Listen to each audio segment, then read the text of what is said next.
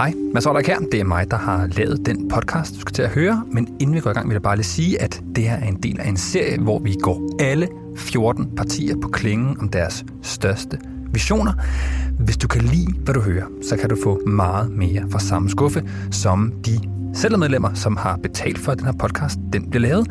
Bliv medlem via zland.dk-hvis jeg bestemte, eller klik på linket i podcastbeskrivelsen. Det var det. God fornøjelse. Den danske grundlov, paragraf 1. Denne grundlov gælder for alle dele af Danmarks rige. Det her det er anderledes, fordi det her det er direkte demokrati. Paragraf 28. Folketinget udgør en forsamling bestående af højst 179 medlemmer, hvoraf to medlemmer vælges på Færøerne og i Grønland. Og i nullerne, der tog de frie markedskræfter over, stærke lobbyister og industrierne tog over. Grundloven, paragraf 31, styk 1. Folketingets medlemmer vælges ved almindelige, direkte og hemmelige valg. Nu ligger alle beslutningerne derude. Jeg glemmer aldrig det lovforslag. Og så lukkede vi. Grundloven, paragraf 73, styk 1. Ejendomsretten er ukrænkelig. Ingen kan tilpligtes at afstå sin ejendom, uden hvor almenvældet kræver det. Konceptet om at eje et hus er ligegyldigt, fordi boligmarkedet er ikke til for at tjene penge. Alle de her paragrafer men vi tilbage til. Men først skal jeg lige sige, det her er serien Hvis jeg bestemte. I dette afsnit handler det om Sikander Siddiq, leder for partiet Frie Grønne. Og reglen er, som altid, jeg giver ham magt i tre valgperioder, og så rejser vi sammen ud til år 2035, hvor Sikander Siddiq viser mig rundt i hans drømmesamfund. Og tidsrejsen begynder nu. Indre Nørrebro. Vi er på Indre Nørrebro. Og øh, jeg er lige trådt ud af mit barndomshjem i Stengade 29. Jeg når ud på Nørrebrogade ved Elmegade. Da jeg voksede op der, det var Danmarks mest luftforurenede område på grund af Åblevarden til de biler. Men i dag er luften så ren, at det nærmest bider i lungerne, når man trækker vejret. Jeg går op ad Nørrebrogade. Det er som om, jeg befinder mig i sådan en, det jeg kalder en urban jungle. Det vil sige, det er en moderne by, men den er grøn. Træer vokser tilfældigt op. Det føles som om, det er en, en skov, vi har lavet en by i. Og der er faktisk ingen biler. Kigger I til højre og venstre.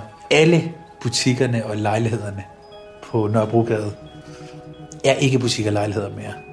Langt de fleste af dem er det ikke. I ser rum som folke steder, hvor folk kan møde. Det er alles eje. Alle kan komme der, alle mødes der. Alle sidder derinde. Nogle sidder og spiller skak. Nogle sidder og taler om, om øh, børnene. Andre sidder og, og drømmer om, hvordan samfundet ser ud i 2050. Og selvom klokken er 11-12 om formiddagen, så er der rigtig, rigtig mange mennesker. Og det er fordi, at mange af os ikke har en fast tilknytning til arbejdsmarkedet. Fordi vi ikke behøver det mere fordi vi ikke er et samfund, der er baseret på økonomisk vækst. Så dem, der arbejder, de har sådan en tilknytning på 25 timers arbejdsuge, end måske en, en øh, fire dages arbejdsuge. Men mange har valgt ikke at, øh, at være tilknyttet arbejdsmarkedet, fordi at vi får borgerløn alle sammen. Nu når jeg til den røde plads, men der er rigtig mange mennesker samlet lige nu. Og øh, det er det fordi, at hver tirsdag kl. 12, der mødes alle borgere i deres lokalafdelinger og tager beslutninger om, hvad der skal ske i lokalområdet. Sådan er det i alle steder i Danmark, fordi der er ingen politikere. Der er ikke repræsentativt demokrati længere. Der er ikke noget folketing længere. I det her samfund, der tager vi beslutninger decentralt, lokalt. Så vi har direkte demokrati. Og de borgere, der bor i det område, det er dem, der beslutter. Så hver anden tirsdag, der mødes man. Derfor er borgerne samlet. Vi tager lige en hurtig status, fordi det øh, har vi brug for, tror jeg. Øhm, så Frie Grønne har haft magten i tre valgperioder. De har bremset den økonomiske væksttanke. De har fjernet behovet for at have et arbejde. Og de er nu nået til at lukke Folketinget og altså afvikle demokratiet, som vi kender det, og starte et nyt. Så er vi ligesom i gang. Øhm, det der sådan tirsdagsmøde, Hvor lang tid plejer det at tage? Jamen, øh, de kan tage alt fra to timer til fire timer, mm. tre timer. Det kommer jo an på, hvad der er på dagsordenen. Mm. Og der kan jo være alt muligt på dagsordenen, fordi at vi har ikke længere politikere på Christiansborg, der bestemmer alt for os og dikterer, hvad vi skal gøre. Vi finder selv ud af det lokalt, og nogle gange er der jo også udfordringer, som er større end vores lokalområde. Så der har vi en repræsentant. Alle lokalområder har, øh, hvad kan man sige, et råd, og så har vi noget ovenpå og ovenpå, men det er hele tiden øh, lokalområdet, der giver mandat, sætter en afsted til det, og som sætter en afsted. Så der bliver, det er altid her fra, der bliver bestemt. Men det, men det er jo også det, man gjorde tilbage i 2020. Altså der, der valgte man bare sådan en, du, du sagde selv repræsentant, til, i det repræsentative demokrati var det også en repræsentant, man valgte for hver valgkreds. Så hvordan er det, er det her anderledes? Det her det er anderledes, fordi det her det er direkte demokrati. Langt de fleste, langt, langt, langt de fleste løsninger bliver taget med lokalt. Det er kun få ting, der er fælles om. For eksempel, da der i 2022 kom corona, der blev der nødt til at være en eller anden fælles strategi for, hvordan man gjorde det. Mm. Så der tog man den beslutning. Der sætte man repræsentanter op og sad sammen og tog en beslutning. Mm. Men langt, langt, langt de fleste, for jeg kan sige 90 procent, 95 procent af alle beslutninger, de tages lokalt. Og vi alle sammen kender lokalområdet rigtig godt. Vi kender alle sammen hinanden rigtig godt. Og derfor så ender det altid med konsensusbeslutninger. Hvilke beslutninger har ikke været konsensusbeslutninger? Hvilke ting har der været uenighed om? Jeg kan faktisk ikke lige nu komme på noget, som, som der ikke har været konsensusbeslutning om, men altså når jeg argumenterer for noget, så er det ikke fordi, jeg skal vælges til noget. Jeg bor her, og den jeg argumenterer imod, bor også der. Og så derfor har vi bare bemærket, at hvor vi før i tiden skulle stille op til kommunalvalg og folketingsvalg, så det handlede om at vinde argumentet. Det gør det ikke her. Her handler det om at komme frem til den bedste løsning. Hvis man kan høre, at den anden faktisk, det han siger, giver mening, så er det det, vi gør. Så på den måde, så er, øh, så er det bare nemmere at ramme konsensus det, som Sikander Siddiq taler om her, altså direkte demokrati. Det er en elgammel drøm. Øhm, de eksperimenterede med det i oldtidens Athen for eksempel. Øh, Schweiz er måske det mest kendte eksempel på noget, der smager lidt af direkte demokrati, mest på grund af landets mange øh, folkeafstemninger. I USA er der faktisk ret mange sådan små kommuner, der bruger direkte demokrati til nogle beslutninger. Ideen om, at man kan gøre det her, man kan lave direkte demokrati, det bliver kritiseret for især to ting. Øhm, den lille kritik er, at det bare tager sindssygt lang tid at tage beslutninger på den her måde. Den store kritik kom blandt andet til udtryk, da USA debatterede muligheden for direkte demokrati helt tilbage dengang nationen blev født der i slutningen af 1700-tallet. Der var en mand, som hed øh, James Madison, som var en af The Founding Fathers.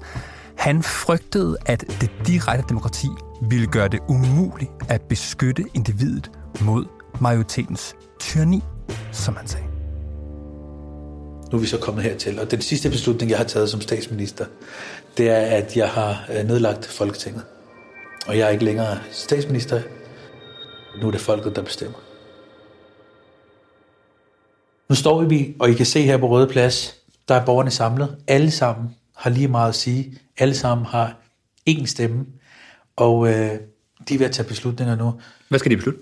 Jamen i dag så handler det om, at der er kommet mange flere børn til området, fordi at øh, der er tid til elskov, der er tid til øh, kærlighed, der er tid til relationer, så derfor så kommer der mange børn til. Så det, at der kommer flere børn til kvarteret, hvad skal, hvad skal der ligesom besluttes omkring? Jamen, jamen det, der skal besluttes, det er, at øh, skal vi have flere øh, forældre til at passe de her øh, børn, er der brug for, at vi deler børnene op i flere grupper, fordi nu vokser gruppen.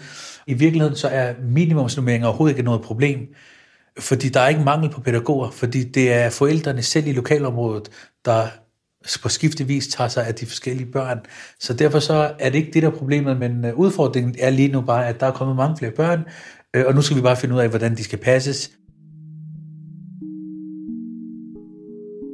Op til at nedlægge Folketinget, havde jeg jo en proces kørende, hvor vi fik lavet de her lokalafdelinger rundt om, hvor folk gik sammen, hvor vi begyndte at træne det her, og vi decentraliserede mere og mere, mere og mere, mere og mere. Og på et tidspunkt havde vi decentraliseret så meget, at nu sad vi bare og på hinanden herinde. Nu ligger alle beslutningerne derude, så nu, øh, nu må vi lukke. Og så kan jeg glemme aldrig det lovforslag. Og så lukkede vi. Og der kan jeg huske, at øh, mange af de der magtmennesker herinde, de havde svært ved det, fordi nu mister de jo pludselig privilegier. Og magt og penge og status. Øhm, men altså, nu har vi lukket Folketinget. Nu bliver det brugt som koncerthus, og det bliver brugt som øh, et øh, kulturhus, og der sker alle mulige sjove ting derinde. Det, som man vil sige, at det danske repræsentative demokrati kunne der tilbage i 10'erne og, og begyndelsen af 20'erne, det var jo ligesom at, at tage, de her, tage de her problemer, hvor der ikke nødvendigvis findes et rigtigt svar, men hvor der findes valide, modstridende interesser i samfundet, øhm, og, tage, og tage dem og lave de store, ret brede kompromiser i virkeligheden. Hvordan ser den proces ud i, i, i det her nye system? Men, men helt, helt grunden til, at vi har lavet det her nye system, var fordi, at de kompromis søgende beslutninger, de kompromiser, var jo gift for vores samfund. Det var jo de kompromiser i 30 år, der gjorde, at vi nåede til et punkt, hvor 9, 6 ud af de ni planetære grænser var overskrevet, inden frigrønne to år. Det var jo de kompromiser, der gjorde, at man fik inflation i samfundet, fordi man postede penge i samfundet, men den inflation kunne så mærkes af sygeplejerskeren, af socioassistenten, af kontanthjælpsmodtageren. Så kom vi i frigrønne ind og trække penge ud af toppen af samfundet. Så det lige pludselig var de 10% rigeste danskere, der skulle betale. Så var det pludselig var det industrierne erhvervsliv, der skulle betale. Men lige præcis de kompromiser, du snakker om, var jo grunden til, at vi havde et beskæftigelsessystem, hvor at det ikke handlede om at skabe det bedste liv for den, der var røget ud af arbejde, men det handlede om, hvordan man hurtigst muligt kunne få de her mennesker ind på arbejdsmarkedet igen, fordi de var jo redskaber for den økonomiske vækst. Så det handlede ikke om, man kom ikke ned på et jobcenter, hvor man fik at vide, kære ven, hvor er du i dit liv nu, og hvordan skaber vi det bedste liv for dig? Det handler om, vi skal hurtigt have dig gennem en undersøgelse, så skal du hurtigt i jobprøvning, og så skal du hurtigt ud på arbejdsmarkedet, så skal du producere. Så jeg er ikke enig i præmissen om, at det repræsentative demokrati, fordi det var kompromissøgende, at det var, at det var, det var gift for vores samfund. Når jeg spørger ind til, om øh, Sikander Siddiqs og Fri Frie Grønnes regering var nødt til at tage en jernhandske på for at skubbe Danmark ud af kompromisernes tidsalder, så ender vi i den omvej. Vi ender med at tale nogle andre ting. Han kommer forbi tiltag såsom at regulere hårdere på ligelønsområdet og øh, tvinge virksomheder til at dokumentere, at de har ligeløn. Han taler om krav om anonyme ansøgninger, så minoriteter har nemmere ved at komme ind på arbejdsmarkedet. Og så taler han om, hvordan han har tvunget landmænd til at sælge deres jord til staten. Det vil jeg, det vil jeg ikke lægge skjul på.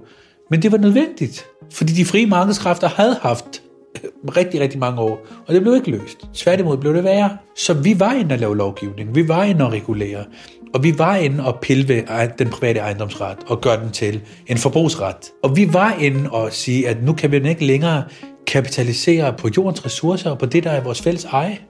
Det gjorde vi. Og nogen vil kalde det drastiske metoder. Jeg vil kalde det rettidig omhu. På den måde, der cirkler vi hele tiden tilbage til, hvad det her direkte demokrati, han drømmer om, kan og må gøre.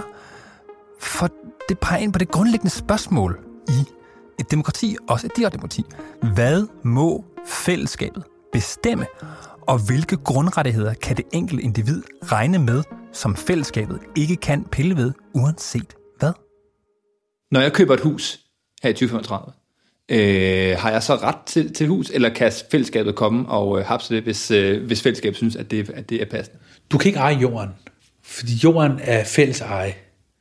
Du kan godt eje huset. Men, men det, I skal forstå nu, det er, konceptet om at eje et hus er ligegyldigt, fordi boligmarkedet er ikke til for at tjene penge. De der lejligheder på Nørrebrogade, som gik forbi, som nu blev lavet om til sådan medborger og øh, ting sådan, ikke? Altså, hvordan blev de ligesom eksproprieret? Hvordan, hvordan, hvordan endte det med, at de ligesom var at, at, at folk flyttede ud af dem? Det besluttede man bare i, lokal, i lokalområdet. Der besluttede man bare for, at vi har ikke brug for øh, det der, øh, altså, fordi pludselig så, da vi i Frie Grønne fjernede den neoliberale tænkning, den økonomiske model, så pludselig skete der det med boligmarkedet, at boligmarkedet ikke længere var til for at skabe økonomiske gevinster. Pludselig handlede boligmarkedet igen om tag over hovedet. Man købte ikke boliger for at tjene penge. Det frigav en masse boliger. Det frigav en masse plads. Og det betød, at her på Nørrebro, der besluttede vi os for, at prøv at høre, der er så meget bolig til os nu, og vi bor i kollektiver og fællesskaber, at vi vil da hellere af hele stueetagen på hele Nørrebrogade, som, som et medborghus, hvor folk kan komme og lave alt muligt sjov og ballade. Og, og dem, der boede der, det, hvordan? Jamen, det giver mening for dem også jo. Så fik de et andet sted, jeg kan ikke huske hvorhen, men så fik de måske en, et andet sted. Hvad ville der være sket, hvis der var nogen, der havde sagt, jeg, har ikke, jeg skal ikke ud af min lejlighed. Jeg elsker at bo her, jeg har boet her hele mit liv. Øh, det, det, det blev over mit liv, at øh, den her lejlighed, den, øh, selvom fællesskabet havde sagt, det er fedt for os, at der er et medborgerhus der. Jamen, så, så tror jeg jo, at, øh, at, at så var øh, han, han eller hun blev boende. Øhm, fordi at det er jo en, en omsorgs- og kærlighedsrevolution. Så der er ikke nogen tvang, og det er ikke, fordi nogen bliver tvunget ud af deres lejligheder, og de tingene bliver eksproprieret. Jeg vil da, blankt erkende, at der var noget med noget landbrug og ting, hvor det var, at, at der gik staten sådan set ind, øh, eller der gik man ind og sagde, at øh, vi opkøber de her ting, og, og så videre. Men lige på, på de enkelte folk, og på, på de her lejligheder, der var der ikke nogen tvang. Det, var, det, det her det er en omsorg og et relationssamfund. Mm. Og derfor sker mange af de her ting med omsorg og øh, øh, i forhold til de relationer, vi har. Det er svært at overdrive den forandring, Sikander Siddiq taler om her. Det er et opgør med den tanke, det danske demokrati blev grundlagt på. Det er et opgør med den grundlov og de paragrafer, jeg læste op i begyndelsen, som sætter grundreglerne op for, for vores rettigheder også. Øhm, og som netop skal beskytte individet mod flertallets tyranni. Det her vores ytringsfrihed er beskyttet, vores ejendomsret er beskyttet, det er her reglerne for, hvordan vi vedtager love er fastsat, og man kan ikke gennemføre det, som Sikander Siddiq taler om her, uden at tage et opgør med grundloven. Og når man så tager den her slags opgør, så er man også nødt til at tænke over, hvad de nye regler så skal være. Er der stadig sådan nogle øh, fællesskaber, som, øh, som savner til gamle dage, og som nu, hvor, at der er blevet, øh, hvor der er blevet langt mere lokalt selvstyre, er gået i gang med at øh, beslutte sig for at gendanne det, øh, det kommersielle landbrug, eller måske lave en minkfarm, eller... Øh, altså er der... Øh, er der, det? der er sabotører. er der sabotører? Fordi mennesket er jo en kompleks størrelse, og derfor er der jo stadig nogen, der drømmer om, om, øh, om gamle dage. Mm. Men det løser de lokalt. Fordi at man skal jo have et flertal, hvis man skal det. Og der er selvfølgelig nogen, der øh, arbejder på, men det er heldigvis meget få. Fordi i det her samfund, der har alle medbestemmelse. Alle har opfyldt de basale behov. Og mennesket er et kollektivt dyr. Og det her menneske, øh, når det får kærlighed og næring, når sjælen får næring, så får man opfyldt de fleste behov, det kan vi jo se, så får du opfyldt det meste ind i dig selv, så har du ikke behov for, altså når du kan se det hele fungere, dine børn trives, du trives, du har tid til dine øh, venner omkring, og din familie, du har tid til lokalsamfundet. Så vi oplever, at der er, er sabotører, men der er meget få, og de har ikke, øh, de har ikke et flertal med sig. Så det er jo også det, der er det smukke ved det her samfund, det er, at det er okay. Mm. Hvad sådan, når du sådan kigger rundt på de alle fællesskaber der omkring Danmark, hvor, hvor du tænker sådan, det der fællesskab, det gjorde noget, det ville jeg have hadet til, men det er stadig fedt, fordi at de, øh, at de ligesom udnytter deres lokale ret. Hvor, hvor, hvor, hvor, hvor du tænker sådan, det der ville jeg aldrig have gjort, men sådan må det være i det her samfund, hvor at det er de lokale, der har retten til at bestemme selv. Der er vist nogle beslutninger, der er taget, hvor jeg tænker, pisse til ikke? Men det er bare milliard gange bedre, end, end det samfund, vi havde før Fri Grønne kom til magten, og dermed afgav magten til folket. Så, så, så jeg kan sgu ikke komme på noget, hvor jeg synes, at der indtil videre er blevet taget nogle beslutninger, som er så øh, ubehagelige eller sådan irriterende, at, at det på nogen måde, at det andet var bedre. Det her, det er det bedste samfund. Jeg føler mig lige, jeg kan huske i det gamle samfund, der som minoritet følte jeg mig altid undertrykt på en eller anden måde. Du kan godt høre, at det er et fuldstændig lykkeligt samfund. Det var lederen af Frie Grønne, Sikander Sadiks, øh, bud på nogle hæftige forandringer i Danmark og en demokratisk revolution. Han blev interviewet af mig, Mads Olrik, Ole Fugl har klippet, Jakob Hvid har lyddesignet, og Sandra Mia Susgaard og Niels Mann Lundsgaard har hjulpet til. Det var det. Vi høres ved.